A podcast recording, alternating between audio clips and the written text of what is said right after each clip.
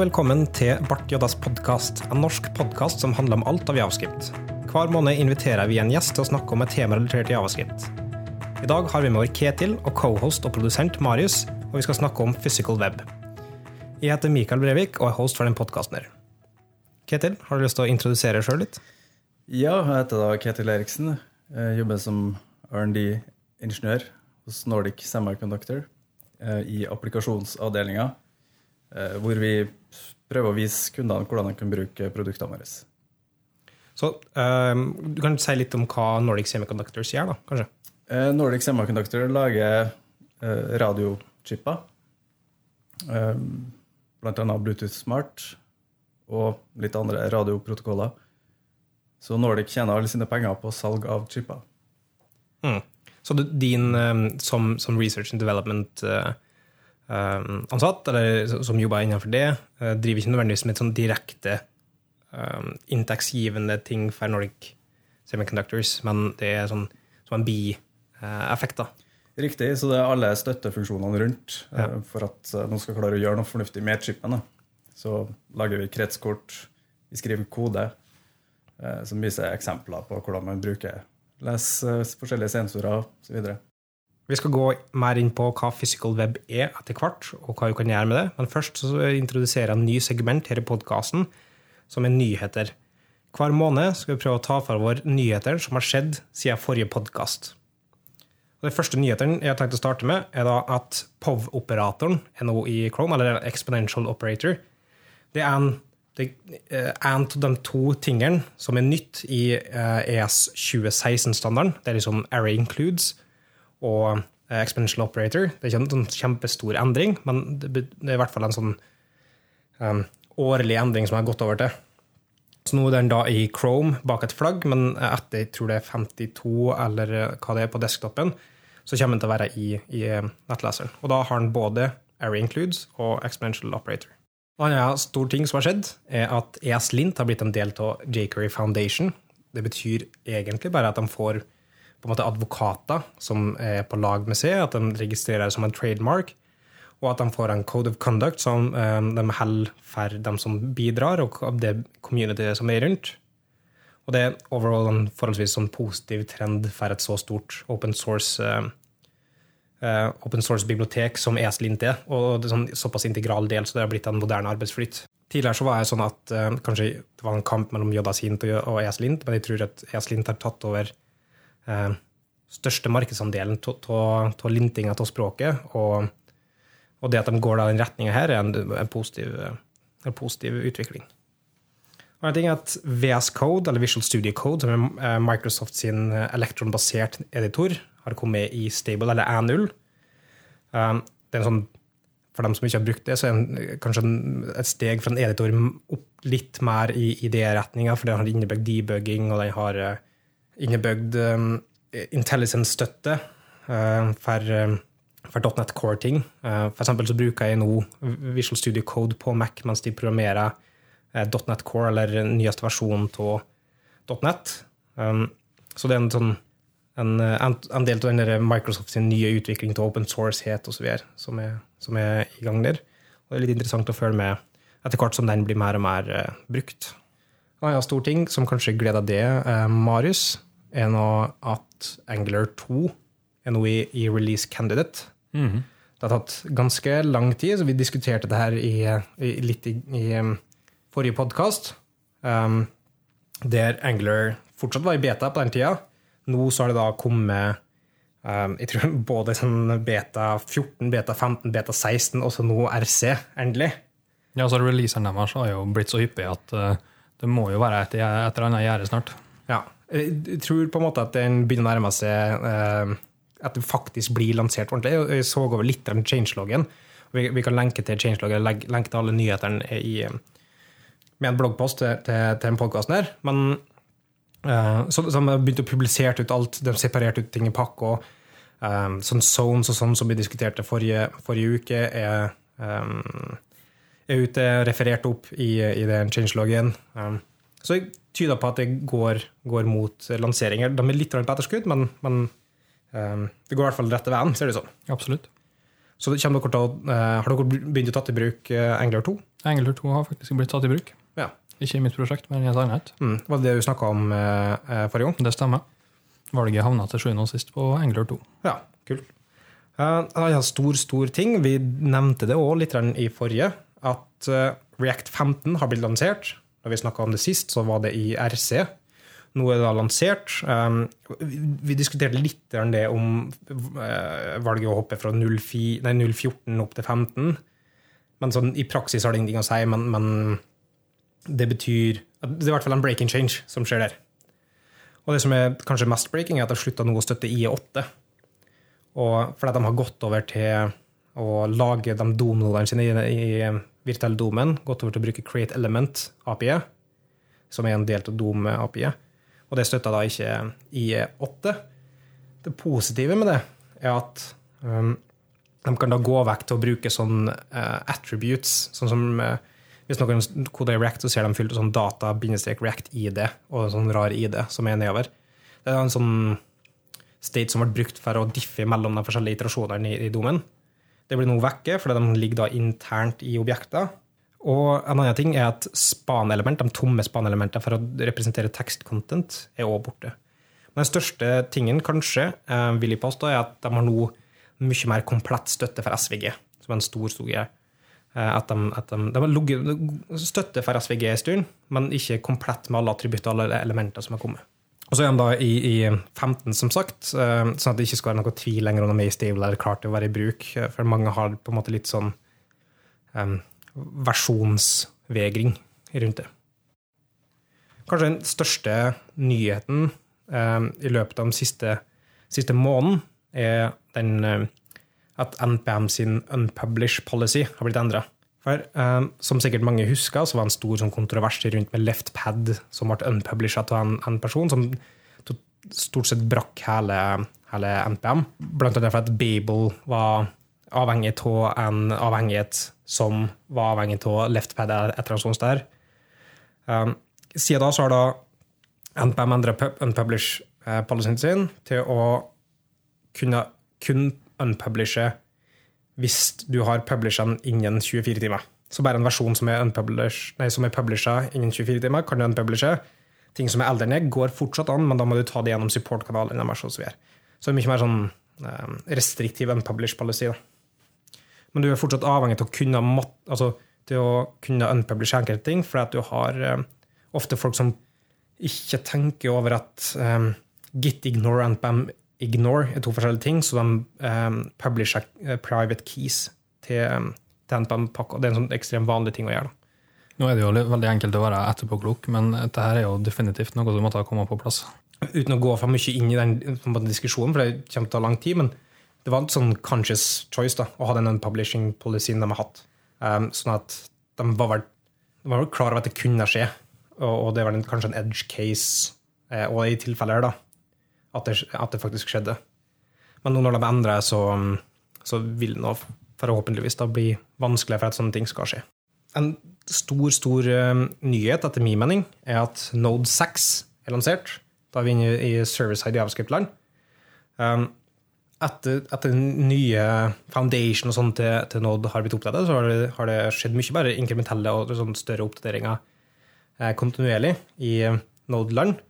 Og nå har de da og en, en del av det arbeidet som har foregått, så vidt jeg vet, er å på en måte få abstrahert vekk mye mer integrasjon opp mot V8, sånn at V8 kan oppgraderes oftere.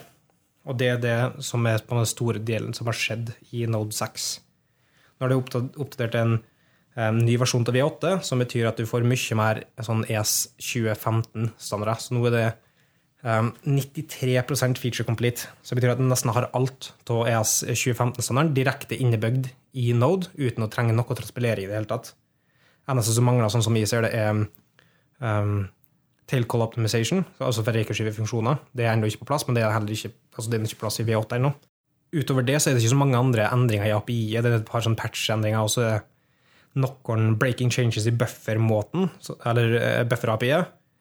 Uh, og den kanskje største uh, konsekvensen som har skjedd med Node 6, um, som jeg har erfart, er at um, de har endra måten uh, path dear name funka i eh, semantikken bak Dear dearname i path, som at de har endra til at hvis argumentet til dearname er undefined, så blir det eh, Så kaster noen exception. Før så ga han det bare det dot, altså den relative rota eh, i current directory, eller hva vi vil kalle det.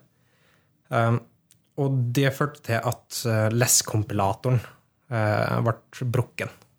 Og, og sånn som less funka, eller kompilatoren funka, så sværte den alle interne feilmeldinger som skjedde. Um, sånn at det virka som det funka, men det funka ikke. Uh, og det er mange sikkert som irriterte seg over det. Um, men den ble da patcha i går, eller som var 8. 8. mai. Uh, så hvis du har versjon 2.7 av less, eller nyere, så skal det være, skal det være fiksa, trygt og være oppgradert til Node 6. I hvert fall, hvert fall, innen, hvert fall så lang tid jeg har sett. Så det var de nyhetene vi hadde. Hvis det er noe du mener burde være med på en sånn månedlig nyhetskanal, så bare send inn det til, eh, på Twitter at underscore bartjudas. Kom gjerne med tilbakemeldinger om hva dere synes om å få presentert nyheter gjennom, eh, gjennom podkasten. Absolutt.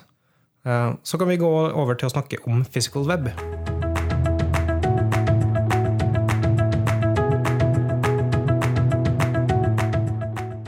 Så du, Kedil, er var ekspert på, eh, på physical web, vil jeg, vil påstå. Du var her i hvert fall ved en meetup her i Trondheim og snakka om physical web. eh, Der du presenterte forskjellige muligheter, eh, hvordan det funka, osv. Um, physical web er en friksjonsfri måte for sluttbrukeren å interagere med omverdenen på. Og det betyr at um, du kan gå forbi en bussholdeplass, og så kan du få opp en melding på mobilen eh, hvis du har lyst til å vite når neste buss kommer, eller for å kjøpe en billett. Du kan gå bort til en colaautomat, eh, og så sender den colaautomaten en melding til mobilen, og så kan du trykke på deg for å kjøpe deg en cola eller sjokolade eller hva det skal være. Eh, Det er ufattelig mange use caser. F.eks. ei kjøkkenvifte som sender ut en link til bruk brukermanualen. Hvis du har bruk, bruk for det en gang. Ja, for, at enkelte kjøkkenvifter er ganske komplisert i bruk. Ja, riktig. Ja. Men Er er dette det samme som beacons, eh, eller er det, hvordan er det i forhold til NFC? Er det, altså, er det kun blåtann du snakker om her, eller er det Ja. Det er kun blåtann, og mer spesifikt eh, Bluetooth Smart, eh, som da er en lav energiutgave av Bluetooth, som ikke brukes for å overføre lyd, men eh, mer sånn tilstandsinformasjon av og på signaler osv. det er det som tidligere har vært kalt eh, low energy, sant? Riktig. eller BLE? Ja. Det er det samme. Er det nøyaktig det samme? Har det bare bytta navn? BLE og Bluetooth Smart? Ja, Ja. det er nøyaktig det samme. Ja.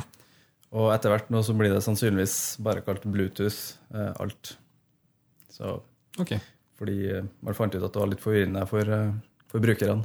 Men, du, du nevnte litt hva det kan brukes til, men um, dette er da en direkte en implementasjon i nettleseren. For du, dette er ikke nytt i seg sjøl, med, med blåtallene og, og low energy og, og sånne ting. Du kunne gjort det med, med Javascript òg ganske lenge, via Node videre. Men, men nå kommer det inn i nettleseren. Det stemmer. Så det blir en webstandard. Altså Web Bluetooth API, som det kalles. Så, så, så det betyr at du kan ta vanlig avskrift i en vanlig nettleser og få tilbake kommunikasjon eller data fra en, en blåtann eh, Enhet. Ja. For eksempel sånn som hjertemonitor eller eh, hva ja, en pulsmåler. Ja. Eh, Det kan være en sykkelpedal, en hjelm, en radiostyrt bil. Det er veldig mange ting som eh, bruker Bluetooth smart-teknologi. mm.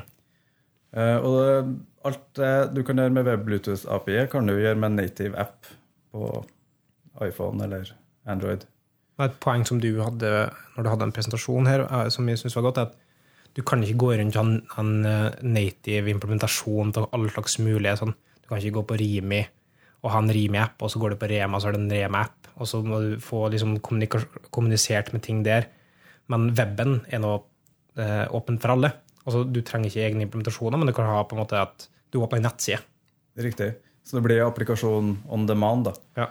Um, og du kan får også muligheten til å lagre en applikasjon med nye webteknologier. eh, med offline-apps, da, med caching av data osv. Ja, så da er du inne på uh, sånne ting som service workers, Ja. um, som er nye på en måte, standarden for, eh, for eh, I stedet for app-caching eller den cash manifest-fiaskoen til, til Google, så er det nå en service worker, som jeg tror også for så vidt er Google som står bak. Men um, det bare, du kan programmere det på en annen måte. da. Og da kan du få push-notifikasjoner gjennom service workers. Riktig. Du kan få offline-støtte, som du snakka om. Um, caching til bil, altså mye muligheter. da. Så du kan stort sett i alle hovedsak gjøre det meste som du kan eh, på native. Ja, så det er det de kaller for progressive webapps. da. Hva legger du i en progressiv webapp? Det ene er at eh, det er responsivt, men det er jo mange webapper som er i dag. Um, men også det her med at du, det oppfører seg mer eller mindre som en native app. da. Altså Du kan installere den, er et ikon på hjemmeskjermen. Uh, Det har veldig rask oppstartstid. Du kan starte opp i nettleseren uten URL-baren, sånn at du får følelsen av at det er en native app. Du kan ha splash screens når du starter, Eh, og du kan cache data. Hva er standarden på den? Det Dette er et sånn lada, kanskje ledende spørsmål, men jeg vet at eh, du har egne manifestfiler for å definere alle sånne ikoner og sånn. Men det er en nettleser som kanskje ikke spiller helt på lag eh, i, den standarden. Ja, tenker du på Safari, kanskje? Ja, for eksempel. Ja, jeg tror de spiller, er veldig lite Safari spiller på lag med. Og ikke WebBluetooth API heller. Så vidt jeg vet. Men sånn som Firefox OS, de bruker vel kanskje den standarden? Der har de sin egen um, Altså den, den derre uh, egne uh, Manifest Jason, eller hva det heter Ja, det jeg, jeg tenker på?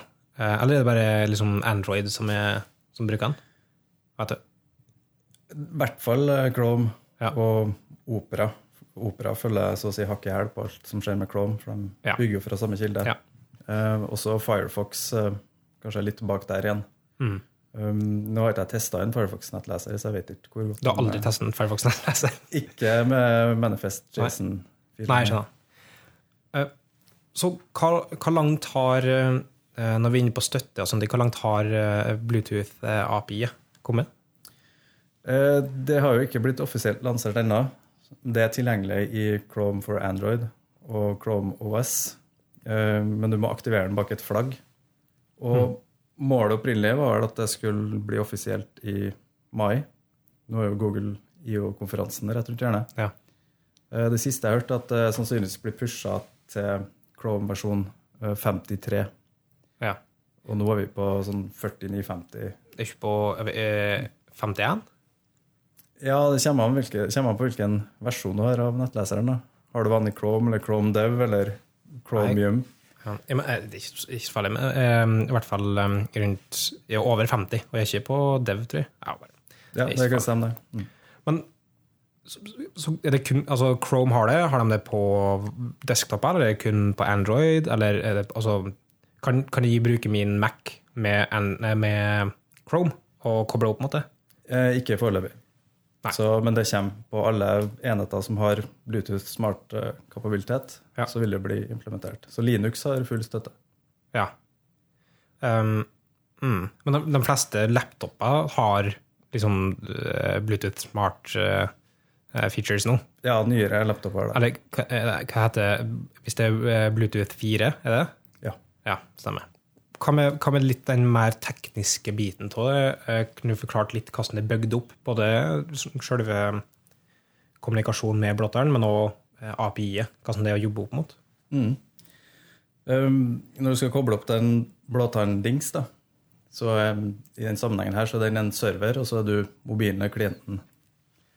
Uh, og den serveren er bygd opp med noe som heter GATT-profil. Altså en tabell med forskjellige attributter, rett og slett. Og de attributtene er delt opp i servicer og karakteristikker. Og en service kan ha flere karakteristikker under seg som en del av seg. Um, og en GATT-profil kan også bestå av flere servicer med sine karakteristikker. Så rett og slett som man skiller på dataen, sånn at firma A skal kunne lese av dataen fra tingen til firma B, og det samme med firma Æ, Ø, Å, eh, sånn at alle følger samme protokollen, rett og slett. Eh, Og når du bruker web-Bluetooth-API, så eh, kobler du deg opp mot noe som heter UID, da, som er en eh, 128-bits eh, Unik identifier. Ja. Riktig. Eh, og alle servicer har det, alle karakteristikker har det. Så det er rett og slett det du søker etter når du søker etter et, et, et, sånn fitnessarmbånd, så sender den ut noen sånne UiD da, som du kobler opp mot. Så da lytta du på For den står den og broadcaster den UID-en sin. Ja. Og så lytter du på den, oppdaga den, og så kan du koble direkte opp mot en service som er relatert til den.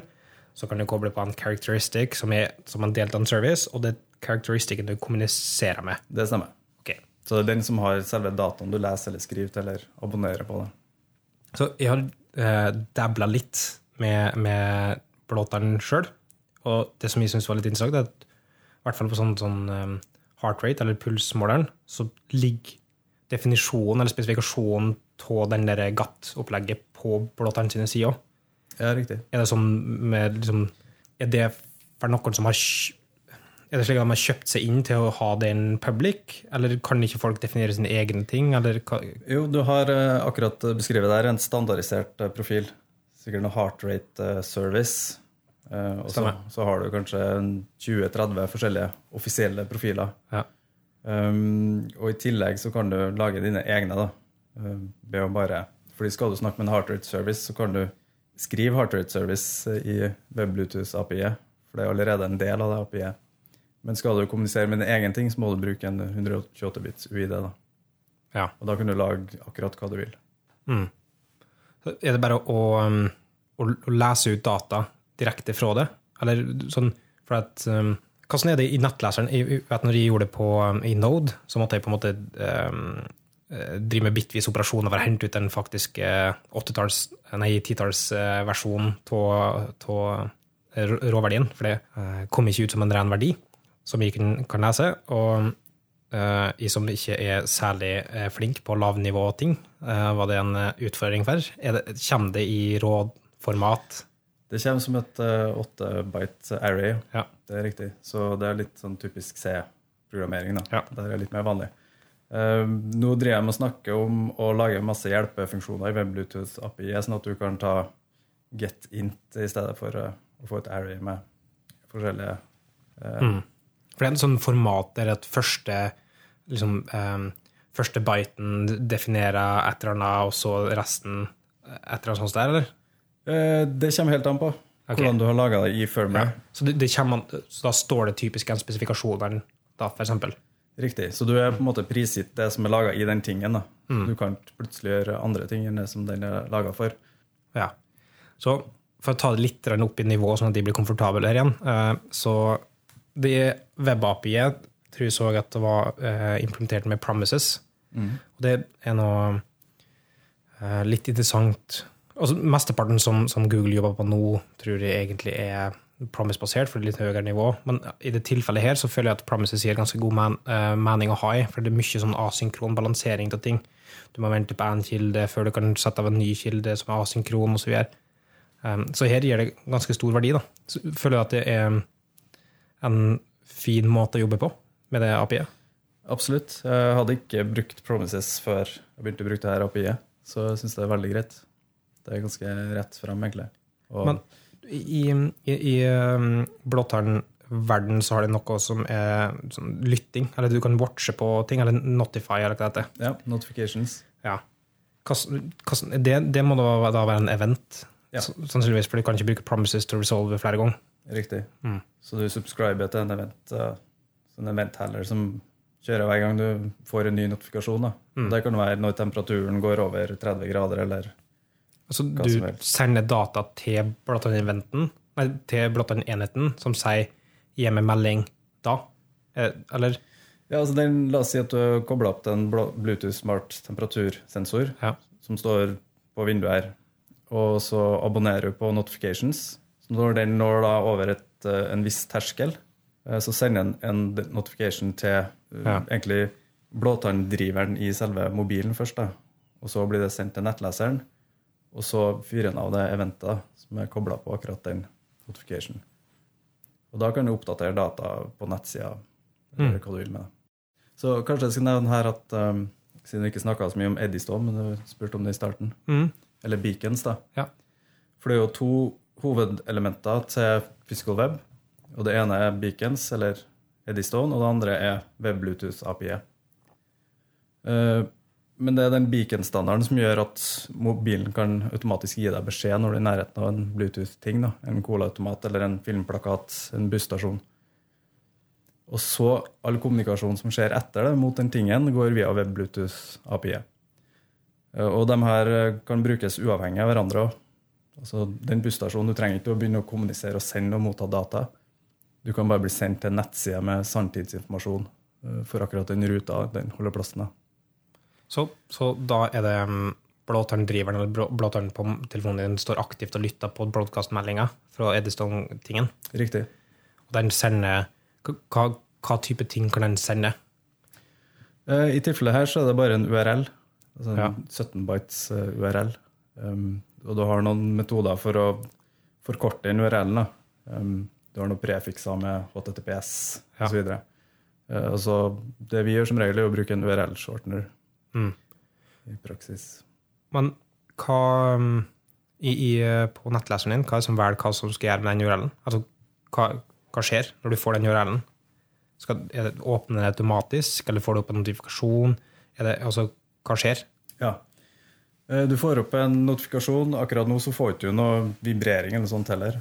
Eh, hvis du slår på skjermen din, så når, når skjermen er av, så er det ingenting som skjer. og det er hensikten òg, fordi hvis ikke så kan du risikere å gå gjennom byen her, og så er hver eneste reklameplakat uh, prøve å pipe ned i lomma di.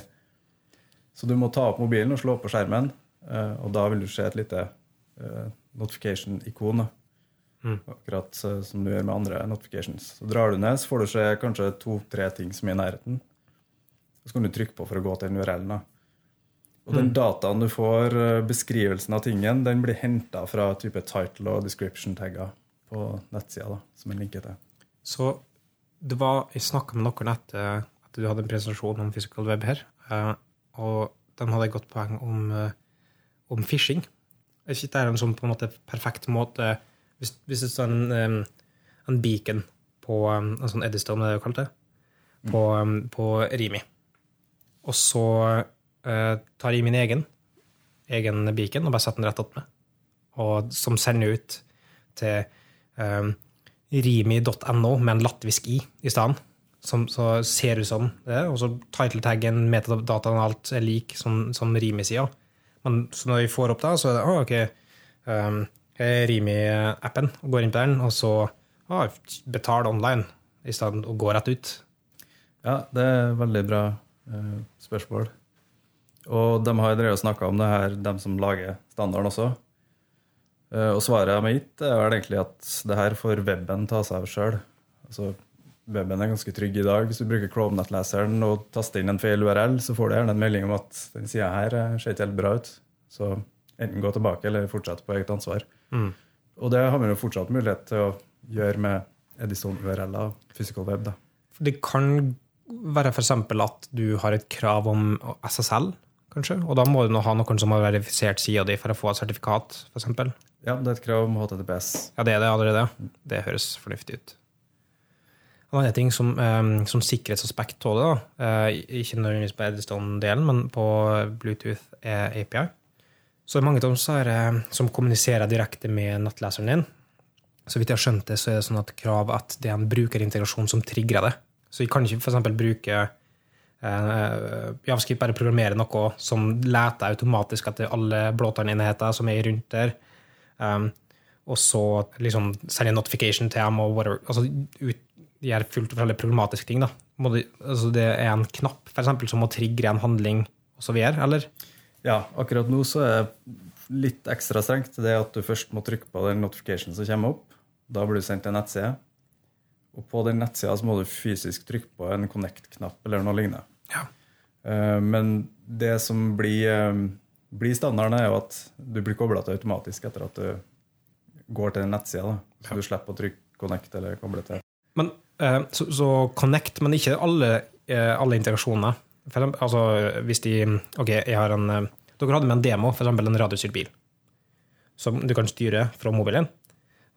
Så send en melding til den blåtannenheten fra din, fra din mobil Hvis de vil at bilen skal kjøre fram, så jeg trykker fram-knappen, kan jeg eh, få bilen til å kjøre fram uten å faktisk gjøre det via en knapp? Kan jeg bare ha det i javascript? Ja, hvis du allerede er kobla til den bilen, okay. så kan du programmere det riktig. At Ja. du, du sender skriv til den karakteristikken. da. Eh, Kjør framover med denne hastigheten, eller Mm. eh, snu til venstre. Så kan du programmere det automa- automatasjon. Så det er ikke noe sånn at alle, um, alle handlinger opp mot blåtann sjekker stacktracen om den på en måte kommer fra en eh, brukerevent. Det er ikke slik det funker på en måte. Uh, nei, ikke når du er kobla til. Nei. ok. Så det er mest den sikkerheten med å først gi tillatelse for den enheten å kommunisere med mobilen din. Mm. Uh, Men det er likevel ikke mulig for den tingen å gjøre alt som en Bluetooth smart-ting gjerne kan gjøre. Sånn, sånn typisk trådløs mus og trådløs tastatur. Så du kan ikke kommunisere med dem? Nei.